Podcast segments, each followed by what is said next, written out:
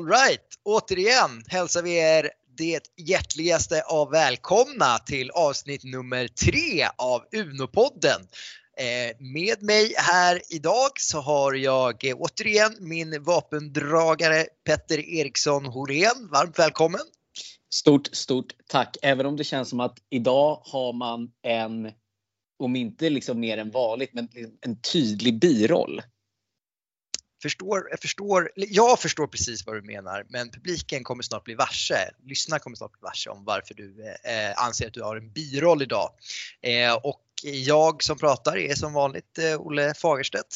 Och sen så har vi ju som sagt en liten överraskning här eh, idag som vi kommer eh, alldeles strax att komma tillbaks till. Men först tänker jag Petter, fan det är ju, det är ju det är dryga veckan kvar nu. Det är fan knappa veckan kvar till Uno-SM. Hur är liksom temperaturen i lägenheten när det gäller Uno-nivån? I lägenheter är väl sval som på eh, i, alla eh, olika tänkbara fall. Men, eh, nej, men man märker att det är snart dags. Det är ju faktiskt liksom SM-veckan vi har gått in i nu och jag tycker man märker i i alla olika kanaler, där liksom trådar där man, man skriver med folk och, och på jobbet och sådär. Det, det snackas mycket Uno. Det är mycket frågor och sådär. Så att eh, jag tycker absolut man märker att, att det liksom drar ihop sig på, på riktigt.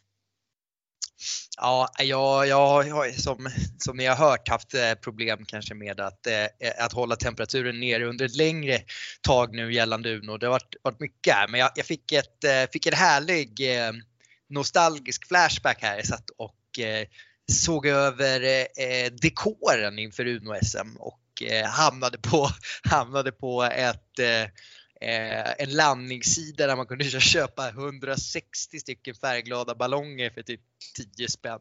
Och det drog mig till minnes en, en härlig session för, jag tror det var förr, förra UNSM när vi köpte en ballongpump som gick sönder. Och Einar fick blåsa så mycket ballonger att, han, att allt syre tog slut i rummet och att han fick, han fick typ ligga raklångs i en halvtimme och chippa efter luft. Han hade blåst så många ballonger.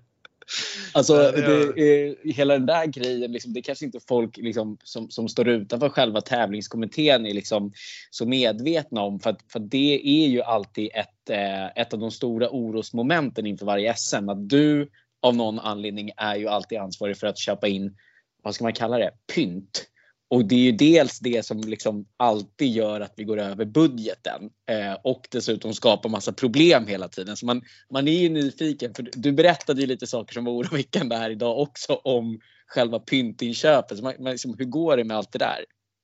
Ja, alltså, jag har ju varit eh, konstant missförstådd och eh, bortprioriterad. Jag är som en jävla HR-funktion på ett företag. Liksom. Det är liksom någonting som finns där men ingen vill egentligen ha det eller spendera några pengar på det.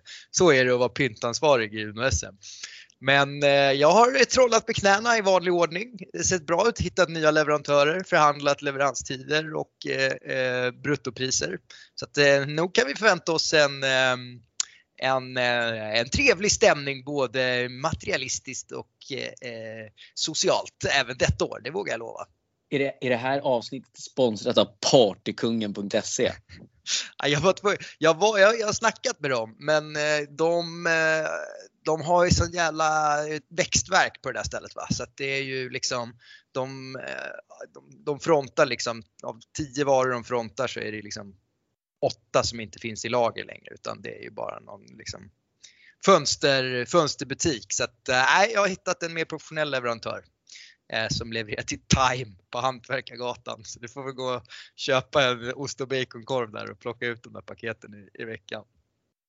Men Eh, med det sagt hörni, eh, så, så när vi snackat av oss lite om det så tänker jag att vi ska inte eh, vila på hanen längre gällande den här eh, överraskningen. Det är nämligen så att vi har en gäst med oss eh, denna gång igen och den här gången så är det ingen mindre än den välmeriterade och charmerande eh, befintliga Uno-ambassadören Lovisa Liberg som är här med oss från, ja det är, Kungsholmen någonstans nu eller vart eh, befinner du dig? Är du med oss? Hej! Jag är med er. Jag befinner mig på Södermalm. Södermalm, okej, okay, men det är, det är nära. Det är nära. Ja, ja, Fågelvägen. Du känner liksom att det är, Uno-vibbarna, de tar sig hela vägen över Riddarfjärden upp mot eh, Södermalmshöjder också. Va? allra högsta grad kan jag säga. I allra högsta grad. Absolut. 100 procent. Det är, det är stort för oss eh, att få ha det. Liksom förra veckan så hade vi liksom regerande mästaren. Då tänkte man så här, fan, nu, hur ska vi toppa det här liksom? Och så nu är du här liksom. Den här Uno-ambassadören som det liksom har bara liksom knockade folk senaste Uno-SM. Eh, så att, eh, vad säger du Petter? Liksom, är, är, det, är det, nu, det kan inte bli så mycket bättre än så här va? Nu har vi sånt jävla guldcontent så att det, det blir svårt att göra ett fjärde avsnitt. Ja, det kan mycket väl vara det sista här innan, innan SM. Så. Men, men det jag funderar på lite. Eh, Lovisa, du kanske vill berätta om, vi, vi benämner dig som, som Uno-ambassadören. Vad, vad handlar det om egentligen? Jo men alltså det det handlar om, man kan se det på två sätt. Vissa kanske bara ser det som en titel. Men jag ser det som en livsstil. Man måste sprida Uno-glädje och jag har en, jag har ju en stor förebild när det kommer till ambassadörskapet. Och det är Roberto en kaffe en pizza om dagen. Alltså, Ja, ja, ja. ja, jag tror faktiskt att han är min överman i termer av ambassadörskap. Ja, men, men samtidigt är det så att du är ju på något sätt eh, den personen som bär titeln i och med att du blev utsedd till årets Uno-ambassadör. För det, det ska vi förklara för lyssnarna också att varje SM så delar vi ut en del priser. Det är ju eh, främst då eh, vinnaren av hela Uno-SM och sen är det ju årets Uno-ambassadör som på något sätt sprider Uno-kulturen eh, på bäst sätt. Och sen har vi också årets nykomling.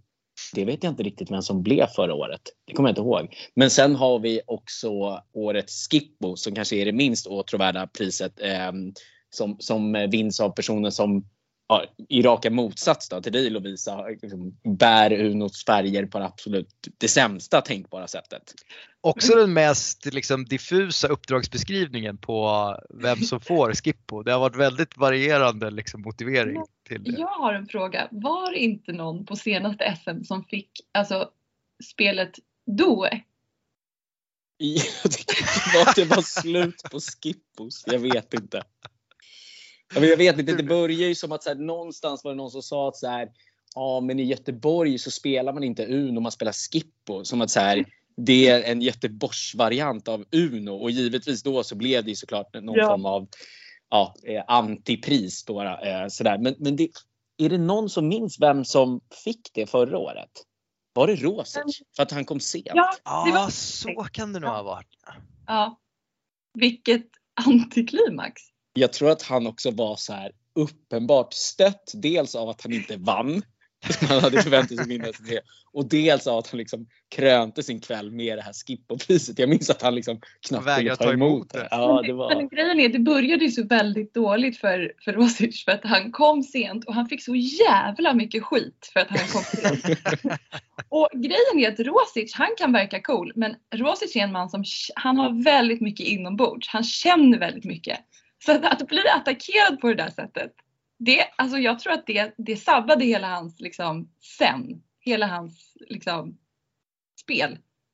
Ja, men det, Mycket möjligt. det, det, det kan mycket väl vara så. Det är ju så när eh, alltså, stora spelare liksom, de får sådana där typer av lite mer oschyssta medel eller punktmarkeringar på sig. Liksom det, de, de kommer undan med det i början men när folk har förstått hur bra de är då, då börjar de här äh, tjuv och rackarspelen dyka upp. Det, Ja, tråkigt för han men äh, tycker ändå att han kunde haft lite mer värdighet i äh, ansiktet av att bli utsedd till årets Skippo. Men äh, vi får se.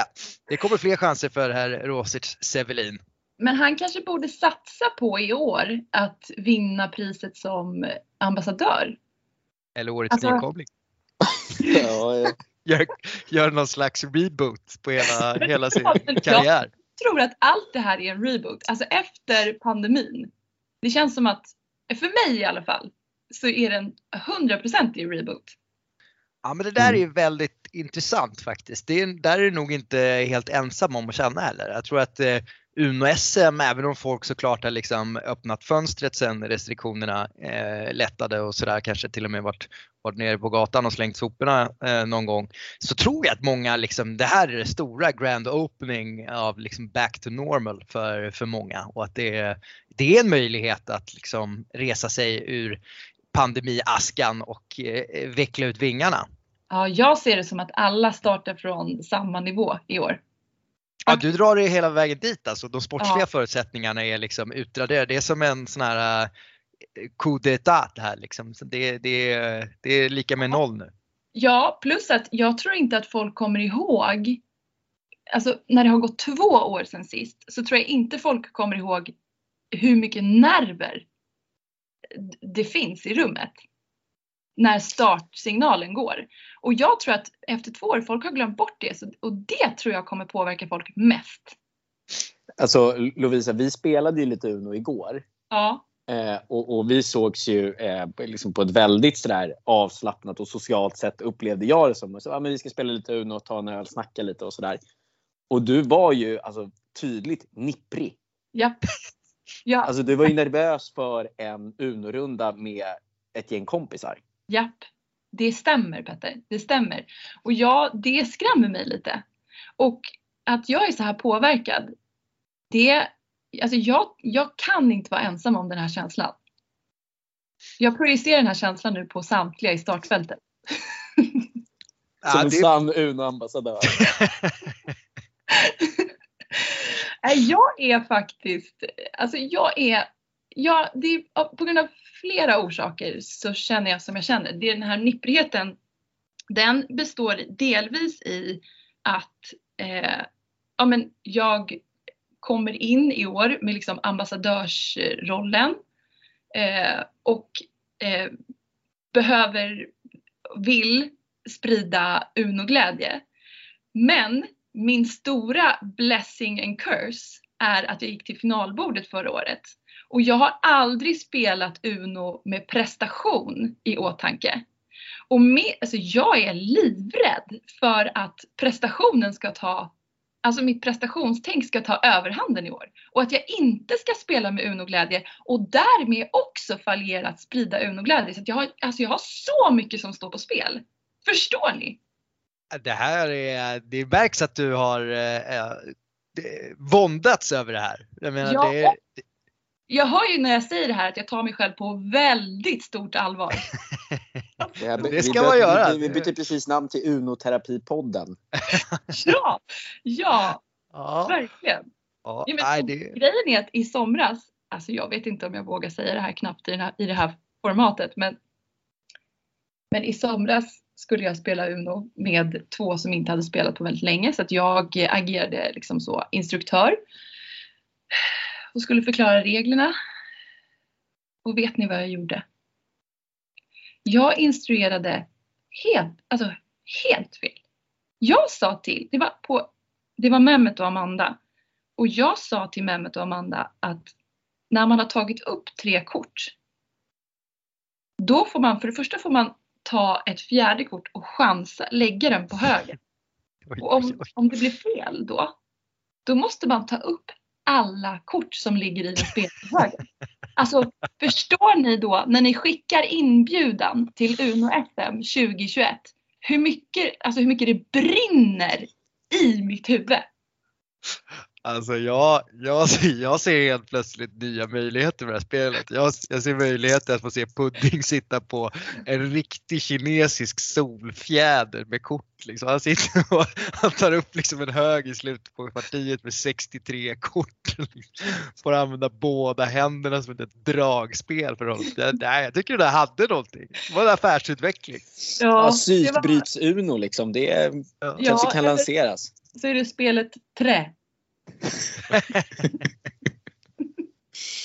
Men eh, Lovisa, en annan intressant eh, sak du berättade om igår, liksom i, i kraft av att du ändå gick till, till SM-final förra året och sådär, så berättade du om, om eh, din eh, italienska del av släkten, eller, eller vad säger man, ingifta på något sätt del av släkten. Eh, och hur de har eh, liksom hanterat nyheten om att du numera är liksom en Uno-SM-finalist. Kan inte du berätta lite mer om det? Jo men absolut, absolut. Min, eh, min eh, snubbe, är, han är ju halvitalienare, uppvuxen i Italien så han har ju jättemycket släkt där. Och eh, jag har väl absolut agerat ambassadör där. Det spelas en och annan Uno eh, som jag inte tror spelades innan eh, jag eh, kom in i bilden. I alla fall inte i den omfattningen som det spelas nu. Eh, men jag har ju berättat för dem att jag har varit med i Uno-SM ett antal gånger och sådär. Och sen så eh, senaste gången då när jag gick till final, då upplevde jag att eh, alltså den italienska släkten, de blev, de blev stolta. Alltså det här har vi en, en person som eh, är med i sven, svenska mästerskapen i something something. Inte så noga till Uno. Ja, det, är, det är fint. Jag ser det liksom italienska familjeglöden och heden och äran som kommer in där. Det är kanske ytterligare en dimension av, eh, av press då. På dig. Ja, för jag ju, det känns som att jag har, som, alltså jag har ju också sen sist har jag också fått, min gudson heter Uno. Oh, Ja, Jag spelar väldigt mycket för honom. Jag spelar kanske inte så mycket för min dotter för hon heter Karla. Så men jag spelar verkligen Uno för Uno. Har du eh, förberett någon typ av undertröja med budskap på så att du kan dra av dig matchtröjan om du skulle liksom vinna och, och, och springa ut i kamerorna? Vet du, Ole? Jag blir ju väldigt sugen på att göra det när du säger det. Men om jag hade haft ett budskap under mig, alltså under hela, jag hade inte visat det för någon och liksom med tanke att jag skulle slita av det när jag vinner, då tror jag absolut att all Uno-glädje för mig skulle vara bortgå. Alltså jag måste gå in på lördag och spela med Uno-glädje, annars kommer jag ingen vart. Ja, det är intressant att du säger det där för det känns ju som att eh, det är lite, det är nästan liksom, eh, det är, det är ett moment 22 där för att eh, du fokuserar på prestationen som kan få glädjen att bli lidande men glädjen är ju i sig ett medel för att nå prestation i det här sammanhanget. Så att, eh, jag förstår att det är en tight balansgång du håller på med just nu. Ja. Ja, och jag vet varken ut eller in och det är lite kaotisk stämning här hemma faktiskt. Det, men apropå det, du är ju annars känd för att eh, eh, sprida mycket glädje och ett av de eh, medel som du har haft till ditt förfogande det är ju det här med Uno-modet generellt. Du har ju haft eh, uppseendeväckande utstyrslar på röda mattan senaste året. Vad, vad, vad, kan vi förvänta oss det här året? Ja, och det här är ju också en till sån här sak som jag måste liksom förbereda nu inför, inför lördag. Jag har tänkt, jag har tänkt i lite olika banor. Eh, jag har tänkt att jag ska ha på mig eh, alla färger, alla Uno-färger, alla fem får vi komma ihåg. Ja, man inkluderar den vita, alla sex färger. Mhm. Eh, och det känns, och, och jag måste ju ha rätt nyans. Det får ju liksom inte vara liksom mörkblå utan det måste ju vara Uno-blå. Eh, så. Om, och så känner jag så här, jag har börjat kolla liksom lite på second hand och sådär för jag bär inte så mycket Uno-blå till vardags. Så jag tänkte jag kunde hitta någonting second hand. Har svårt att hitta, plocka ihop liksom en outfit som, som blir bra. Så jag har ju funderat på att kö, liksom satsa på Uno-accessoarer som jag gjorde förra eh, SMet. Kan du inte beskriva dem? Som du Ja, hade på dig förra gången. Det, det var ju en succé. Ja, då hade jag gjort Uno-örhängen. Så att jag hade två svarta plusfyror i öronen. Så jag tänkte att här, det kanske är lite skräckinjagande. Tänkte jag. Det, det, det kommer jag mycket väl ihåg. Det var Ja. väldigt, eh, ja man förstod eh, Ja, att men man hade att göra med kanske någon typ av Uno-schaman till och med som Ja. man liksom verkligen fick passa sig för. Ja, det var kul att du sa just Uno-schaman för jag funderar på om jag ska gå på, för jag känner ju att jag måste komma in och ha någonting liksom lite extra på mig. Och, Ja. då, eh, och jag har svårt att hitta någonting som är extra fast i Uno-färgerna så att jag kanske bara satsar på alltså bländande paljetter hela vägen. Mhm, blir Ja. Man yr av att kolla på mig. När man spelar med mig säger man Åh, vem spelar jag med? Spelar jag med en diskokula eller en människa? Ja, det, är- Mm. ja, det, det är en förhållandevis outforskad del av tjuv och rackarspelen eh, eh, på Uno SM måste jag säga. Men det, det, ja, det är liksom alla medel som man kan liksom hitta och använda för att skaffa sig en fördel. Det, jag tror, det kommer vi få se. Så att, eh, varför inte även så med kostymen så att säga. Mm. Har, ni, har ni planerat en outfit? Ja, Olle, du känns ju som den som har, har liksom är eh, längst gången i funderingar kring eh, outfit. Ja, men eh, som eh, arrangör och sådär så är man ju rätt eh, eh, tight hållen av produktionsbolaget så att vi får se vad de eh, plockar fram i år. Det blir alltid tjafs om liksom, ja, vad det står i min, eh, min rider och liksom de här grejerna kring, eh, kring vad jag går med på, hur lättklätt det får vara och sådär. Det måste fortfarande vara smakligt. Men de brukar alltid vilja att det ska vara liksom utmanande och provokativt. Eh, du hade, väl mjuk, du hade väl mjukisbrallor på dig senare vill jag minnas på riktigt alltså. Hade du inte det?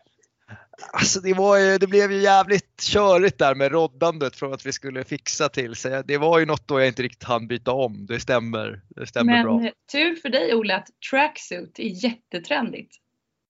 Ja men det har vi, det är sant. Och det har vi haft några av de här liksom Bredängsbajarna har ju dykt upp i diverse olika eh, orten eh, kompatibla outfits genom åren. Så det, det kan vi nog förvänta oss några även i år skulle jag tro. Men tänk er en Adidas tracksuit och så, så tänker ni de här ränderna på sidorna. Ponera att man har en svart tracksuit och så är det vita ränder men så fyller man i ränderna med Uno-färgerna. Man helt enkelt målar med en så permanent marker fast i Uno-färgerna. Einar Österberg sitter och antecknar just nu. ja, det känns som att det Einar, det är en uppmaning till dig. Ja, nej, det, han känns också som någon sån som gärna tar chansen att liksom skicka budskap, visuella budskap med, med kostymen.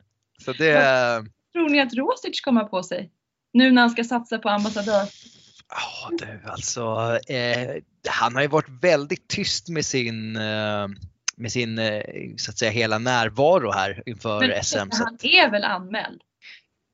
Det är inget namn i rullorna än. Rosic Stevelin, anmäl dig omedelbart.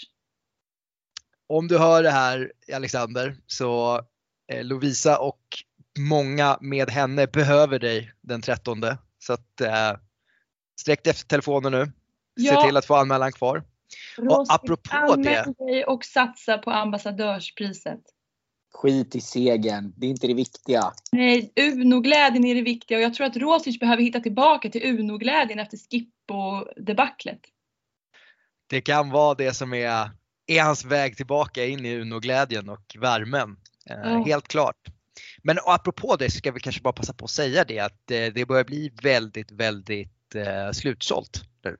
Så att vi har ett tiotal platser kvar. Så att har man inte anmält sig och vill vara med så är det verkligen dags att göra det nu. Eh, swishen 200 riksdaler till Osten. Det hittar numret på våra sociala medier, på evenemanget på Facebook, på Hallandsgatans Insta-profil. Eh, går även bra att sträcka ut en hand till eh, lokal byfåne i Hallandsgatan också så kan de hjälpa dig. Olle, ska vi, ska vi säga någonting om starttiden? Ja, det ska vi. Det eh, har ju varit eh, lite frågetecken och lite turbulens eh, som har att göra med tillståndsmyndigheterna och Polismyndigheten och, och eh, diverse olika offentliga instanser som har eh, varit tydliga med att vi måste börja en timme tidigare helt enkelt. Så det är inte klockan 16 längre utan det är klockan 15.00 så syns vi på Garvagatan 9. 15.00. Så var gärna där i tid, var där två om ni vill. Var där halv tre, gå och mingla. Det kommer finnas god, eh, god mat och dryck. Kanske inte så mycket mat tidigt, men snacks i någon form. Det, det vågar jag lova. Så att Sockan och Lankan vågar komma också. Vad har ni haft för taktik genom åren i termer av eh, liksom öl och drickande äh, och, och spelande? Vi pratade lite om, om, eh, om det där, om det var i första avsnittet kanske. Och jag har ju testat både och. Liksom. Alltså varit helt utan alkoholhaltiga drycker och spelat jättedåligt. Och andra gången testat att dricka ganska mycket alkoholhaltiga drycker och spelat jättedåligt. Så att så här, för mig finns det nog inga riktlinjer som så funkar på det sättet. Men det är också väldigt kul, jag bara måste reflektera över det. För att du sa det, du skulle säga det här i första avsnittet tror jag det var Petter. Och mm. då sa du, då, då sa du, jag har ju jag har, jag har testat att dricka jättemycket på ett Uno-SM och sen ett annat Uno-SM så har jag också testat att dricka jättemycket. Så ja, egentligen sa du bara att du, nej, du bara okay, ja, jag har druckit jättemycket på alla huset. Nej, eh, nej, men jag tror att jag har eh, testat liksom mellanvägen också att liksom så här, dricka en eller två, tre öl under rundorna. Liksom. Men sen så, det tror jag kanske har varit inställningen de flesta gångerna utom den gången jag liksom inte drack överhuvudtaget. Men sen ju sämre jag spelar desto mer blir det ju att man ja, ja skitsamma jag tar en öl till, det spelar ingen roll, alla är så jävla dåliga ändå. Lägger plus fyra hej och hå, släpper ut folk, bla bla bla. Man tappar ju glädjen liksom. Så jag vet inte. Men man kan Ja, det- dricka Uno-glädjen i öl. Vad sa? Att man kan dränka den i öl? Man, man kan inte dränka Uno-glädjen i öl. nej, nej. Nej men det har varit kul sen. Alltså när man har smält förlusten i en kvart eller så. Eh, så tycker jag att man hittar tillbaka till den ganska, ganska kvickt i alla fall. Ja. Ja, och apropå det så har vi ju ehm, Vi fick ju fråga från, eh, från eh, olika deltagare så där kring, kring aktiviteter och det kommer ju såklart även i år att finnas en eh, riktigt härligt eh, gemytlig Losers Lounge och där man kan hänga både under, innan och efter att man potentiellt har åkt ut. Så att eh, vi tänker som såklart och som vanligt på alla aspekter eh, på lördag. Så att eh, behöver inte vara, vara oroliga för det som Petter beskriver här med eh, är någon typ av surmulenhet över att man inte går hela vägen. För det kommer finnas mycket annat att glädja sig åt under lördagen också. Missunnsamhet är oklädsamt, så man får snabbt hitta tillbaka till, till leendet när man åkt ut. Eller hur? Lyssna på ambassadören mina damer och herrar så, så pratar en sann sanningssägare. Eh, men apropå det Lovisa, Mm. eh, så har vi förberett en, eh, en, vi har en liten uppgift till dig här, eller vi har ett litet experiment som vi skulle vilja göra med dig. Det är nämligen så att vi har förberett ett litet kontextuellt Heta stolen avsnitt eh, till dig. Som vi vet att eh, lyssnarna eh, hemskt gärna skulle vilja höra dina svar på. Okej. Eh, så att det handlar alltså om, nu ska vi se, 1, 2, 3, 4, 5, 6, 7, 8, 9, 10, 11, 12, 13 frågor, korta frågor eller påståenden Okej. som eh, vi skulle vilja att du liksom instinktivt bara bemöter. Om du Okej. håller med eller vad du tycker. Eller, ja, ibland är det lite ja nej frågor. Ibland är det Uno-relaterat. Ibland är det lite, lite aningen större än Uno kanske, eh, om det nu går. Ja, du kommer Nej. fatta. Så det kommer gå snabbt här. Liksom. Okej. Eh, Men det, det viktiga är att du liksom försöker svara instinktivt bara. Okej. Jag hör dig. Ja. ehm, hörni, kul, kul! ja. Nu kör vi! Oj, nu råkade jag tappa bort mina frågor här. Eh, en sekund. Ja, okej. Är du beredd Lovisa? Då Jag kör vi. På, eh, första frågan är så här. Om du fick addera en färg till Uno, vilken skulle det vara? Rosa, jag är tjej. Mhm, mhm. Intressant med tanke på nästa, eller i alla fall nästkommande frågor. Eh, om du fick addera ett kort till Uno, vad skulle det kortet göra? Eh, det, jag vet, ibland sitter någon i knipa. Med, man, man, man känner det närmar sig slutet. Någon har kanske sagt Uno nyligen men fick plocka upp. Man vet liksom, ja, det, går, det blir lite hetsigare stämning generellt vid bordet. Då, om det är en person som sitter med väldigt mycket kort och man vet att här är flera hundra poäng på den här handen. Då skulle jag vilja att det fanns ett kort som gjorde att man kunde reducera eh, fallet för den personen. Ett slags kompiskort alltså? Ja, ett kompiskort, precis. Okej. Ja. Spä- typiskt bra ambassadörssvar eh, tycker jag. Okej. Eh, finns det människor som är onda av naturen? Japp. De har inte fått någon kärlek när de var små. Det är det. Okej, okej. Så att, men är det då naturen som de är onda av eller har de blivit det? Tänker jag? Nej, det är fan miljö. Det är inte arv. Det har du rätt i. Ja, Alla okej. är goda. Så är det. Är det alltid fel att ljuga? Nej. Vita lögner är bra. Okej, okej. Mm, noterar. Eh, Du får välja en person som garanterar sitter vid ditt bord på lördag. Vem väljer du? Inte Roberto en kaffe en pizza om dagen. Det är det enda jag vet. Okej, oj oj oj. Ja. Jag vet inte hur man ska tolka det riktigt men det kan vara någon typ av ambassadörsrivalitet här Petter vi har att göra med eller? Rivalitet. Jag vill inte att någon av oss har ut varandra. Ah okej, så det, det är en sån, Ja. okej det, det är ambassadörssyster slash broderskap helt enkelt. Precis. Sen vill jag inte sitta med Muffe, alltså de är, det känns bara nervigt. Alltså det, det är verkligen så. Det känns Oj, som att får man inte ens sortera kort. Alltså det blir jättestressigt. Alltså det hade varit en ju- grej om du hade sagt att du inte ville sitta med Muffe om frågan hade varit vem vill du inte sitta med? Just Nu var frågan vem vill du sitta med? Men du fick det ändå till att du inte vill sitta med Muffe. Så det, det var jävligt eh, snyggt gjort. Men gud, alltså det är ingenting personligen. Jag, ska, vi måste prata med honom. Jag ska, det är inget personligen. Det är bara Uno-mässigt. Mm. Men du berättade ju lite så här i- igår också som jag tyckte var lite jobbigt att höra. Att du, som, du pratade om många av de mer rutinerade Hallandsgatan-spelare, spelarna och, och du var inte superimponerad av deras attityd så där kring bordet. Alltså, det är bara ett väldigt fokus på vinst. Och jag är lite mer eh, fokus Uno-glädje kanske. Jag tror bara att det är det som skiljer oss åt. Eh, och då, ibland så kan jag hamna i en situation där jag känner att jag sorterar kort och det är väldigt viktigt för spelet att sortera korten rätt. Alltså det är typ halva grejen, hur man sorterar. Jag tror att det finns många sätt där ute att sortera på. Sen sista SM kan jag säga att jag har ändrat sätt jag sorterar på. Jag kommer inte berätta hur. Men det har jag gjort. Så det är viktigt att få sortera korten. Och ibland kan man få onda ögat. När man Hör gör du det. det Muffe? Mm, mm. Eh, där, är intressant. där måste vi komma tillbaks till. Det finns ju en hel vetenskap kring eh, kortsortering. Eh, men här kommer nästa fråga. Eh, Första rundan i Uno-SM. Du har 15 poäng på handen och du kan släppa ut personen bredvid dig. Gör du det? Släppa ut som i, Att personen går ut så du får 15 poäng. Eh, nej jag går alltid för, nej jag går alltid för vinst. Glädje. ja. Det, ja. All right. det, det är liksom om det linjerar riktigt med dina tidiga svar eller inte. Det får lyssnarna själva tolka. Är krig alltid fel? Okej. Är krig alltid fel? Ehm, alltså eftersom jag dröjer så känner jag ju nej uppenbarligen.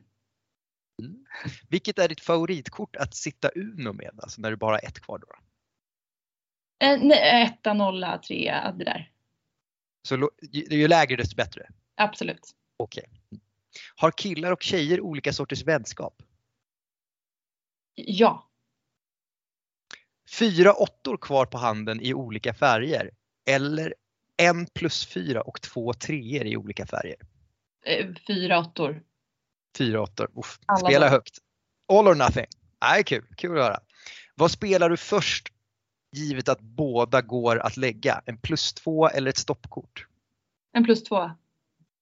Mm, Offensivt, offensivt. Mm, kul. Eh, familj är viktigare än vännerna. Eh, men vänner är familj. Bra svar. Eh, sista frågan. Män har mer att tjäna på jämställdhet än kvinnor. Nej, vet ni att ni har inte det och det är därför inte rörelsen går framåt. Alltså jag tror, det är så här, vissa säger så. Eh, feminism, it's, it's not a cake. Ni vet. ja, Ja. ja. Men grejen är att det är en cake. Om, ni, om män ger kvinnor mer makt så förlorar män makt. Alltså simple as that. Och det är svaret på varför, varför det går så jävla trögt. Och, och grejen är att människor är giriga, man vill ha sin tårtbit. Och där har vi svaret. Man får inte vara så naiv. Det, det var rakt öppenhjärtat eh, intressant svar. Det eh, är ju någonting som vi eh, har propsat länge för även inom eh, liksom, interna UNO-sammanhang. Vi är väldigt glada över att eh, det ser ut att bli det mest så att säga jämställda när det i alla fall gäller representationsnivån mellan kvinnor och män någonsin i UNO-SM. Så att det är kul. Det var ju liksom i tanke på eh, eh, startgruppens så att säga ursprungskonstellation så var det ju en viss tyngdpunkt på det manliga släktet. Men det har vi ju rått bot, rådit bot på eller håller på att råda bot på i alla fall. Ja. Så det är jäkligt kul. Ja. Och, Eh. hur, eh, och hur ser det ut i eh, Hallandsgatans styrelserum då? Och så där? Mycket tjejer och det. Eh, det finns ett aktivt eh, dokument som det jobbas efter eh, som ska upp, skrivas under av eh, olika saker och det, det jobbas på helt enkelt. Det är, progressivitet är föreningens mellannamn. Eh, men ja, det, det kommer, det kommer. Eh, Eh, vetenskapen och Hallandsgatans styrelserum går framåt en begravning i taget som Max Planck sa redan på 1800-talet. Eh, med det sagt så tror jag att vi måste börja runda av för dagen. Uh, och det har ju varit ett riktigt, riktigt upplyftande uh, avsnitt. Så. Jag kan inte, uh, kan inte vänta med att sätta tänderna i redigeringen för att det kommer inte behövas något. Jag kommer bara skicka rätt ut i etern där. Får jag avsluta med någonting? Absolut, jag tänkte jag precis tycker, säga det. Jag tycker man tackar arrangörerna för lite. Faktiskt. Jaha. Ja, men till exempel någonting som jag nyligen har fått reda på är att ni Alltså ni anmäler er inte som deltagare men om någon inte, om man får en no-show, för att startfältet det är ju det är ju väldigt noga uträknat hur många startplatser det finns. Om det kommer en no-show så hoppar någon av er in. Ni vet inte om ni kommer få spela på SM eller inte. Och sen så arrangerar ni, jag, gud jag sluddrar tydligen. Eh, så arrangerar ni det här år ut och år in och det känns jättekul och jag vill bara säga tack. Gud vad snällt. Det värmer, faktiskt att höra väldigt mycket. Eh, och det största av tack, eh, det är väl att ni dyker upp på lördag allihopa ni som lyssnar. Så ja. med det sagt. Vad sa du Losa? Rosic, dyk upp! och Rosic, återigen, dyk upp. Där hör du och där hör ni andra. Vi ses på lördag den 13 november, Garvagatan 9. Klockan 15.00 drar vi igång.